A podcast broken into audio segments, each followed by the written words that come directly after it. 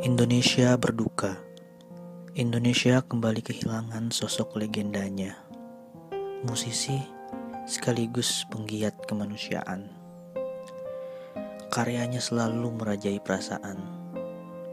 Suaranya mendobrak perbedaan. Bagaikan deru ombak yang menyatu, tak akan berakhir untuk selamanya. Di pantai cinta